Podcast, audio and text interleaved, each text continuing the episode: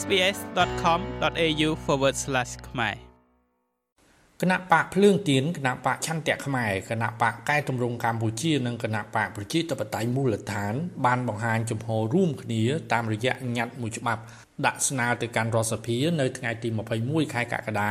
ដើម្បីស្នើដល់រដ្ឋសភាឲ្យបដិសេធមិនគ្រប់គ្រងលើវិសោធនកម្មកែប្រែរដ្ឋធម្មនុញ្ញលើកទី10នៅពេលនេះ។ លោកយេងវិរៈប្រធានគណៈបកប្រជាធិបតេយ្យមូលដ្ឋានតំណាងឲ្យគណៈបកទាំង4ដែលបានចេញញត្តិរួមគ្នាយកទៅដាក់នៅរដ្ឋសភា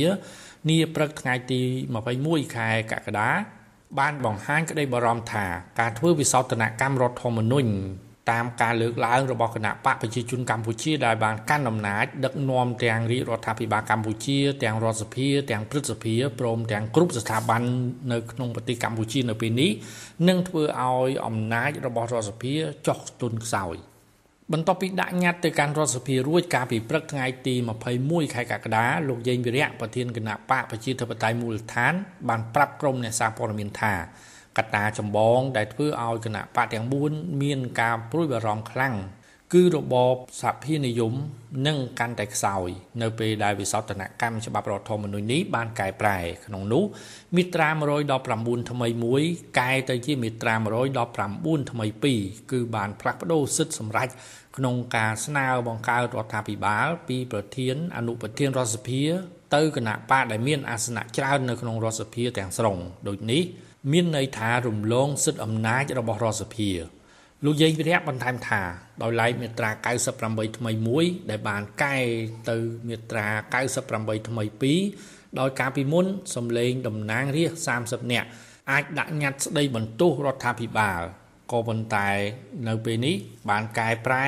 ដោយដំឡើងទៅជា1ភាគ3នៃសម្លេងរដ្ឋសភា គឺស្មើនឹង42រូប លើពីនេះទៅទៀតចំណុចផ្សេងទៀតដែលនឹងត្រូវកែប្រែសុទ្ធសឹងតែផ្ដោតលើសម្លេងបក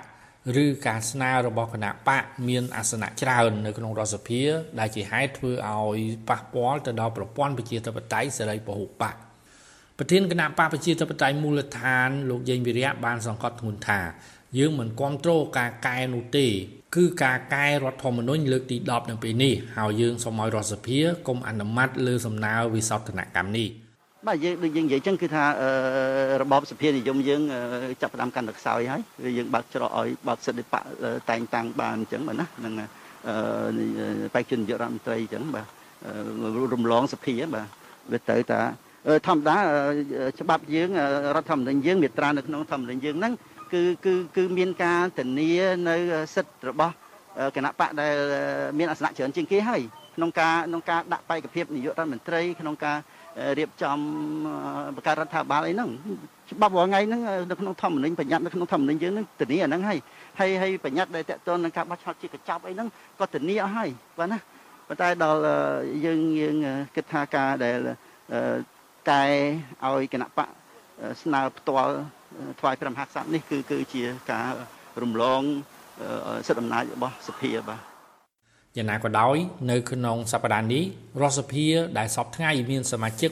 125រូបសុទ្ធតែមកពីគណៈបកប្រជាជនកម្ពុជាតែមួយបានប្រជុំបញ្ជូនសេចក្តីព្រាងច្បាប់វិសោធនកម្មរដ្ឋធម្មនុញ្ញដែលស្នើឡើងដោយរាជរដ្ឋាភិបាល បញ្ជូនទៅកាន់គណៈកម្មការជំនាញដើម្បីពិនិត្យនិងសិក្សាមុននឹងបញ្ជូនមកកាន់រដ្ឋសភាវិញ ដែលគេរំពឹងថាគណៈកម្មការជំនាញនឹងពិនិត្យរួចរាល់នៅសប្តាហ៍ក្រោយ។ ជាមួយគ្នានោះរាជរដ្ឋាភិបាលក៏ដូចជារដ្ឋមន្ត្រីក្រសួងយុតិធធលោកកៅរិទ្ធកាលពីថ្ងៃទី14ខែកក្កដាបានលើកឡើងនៅក្នុងសន្និសីទកាសែតថាការកែរដ្ឋធម្មនុញ្ញលើកទី10នៅពេលនេះគឺដើម្បីបំពេញភាពខ្វះចន្លោះនិងបំរើឲ្យផលប្រយោជន៍ជាតិជាធំ ដោយមិនមានប៉ះពាល់ដល់គ្រឹះប្រជាធិបតេយ្យនិងរបបរាជានិយមនោះឡើយ។ ចាប់តាំងពីបង្កើតឡើង នៅថ្ងៃទី24ខែកញ្ញាឆ្នាំ1993រហូតមកទល់ពេលនេះរដ្ឋធម្មនុញ្ញប្រទេសកម្ពុជាយើងត្រូវបានធ្វើវិសោធនកម្មកែប្រែចំនួន10លើករួចមកហើយ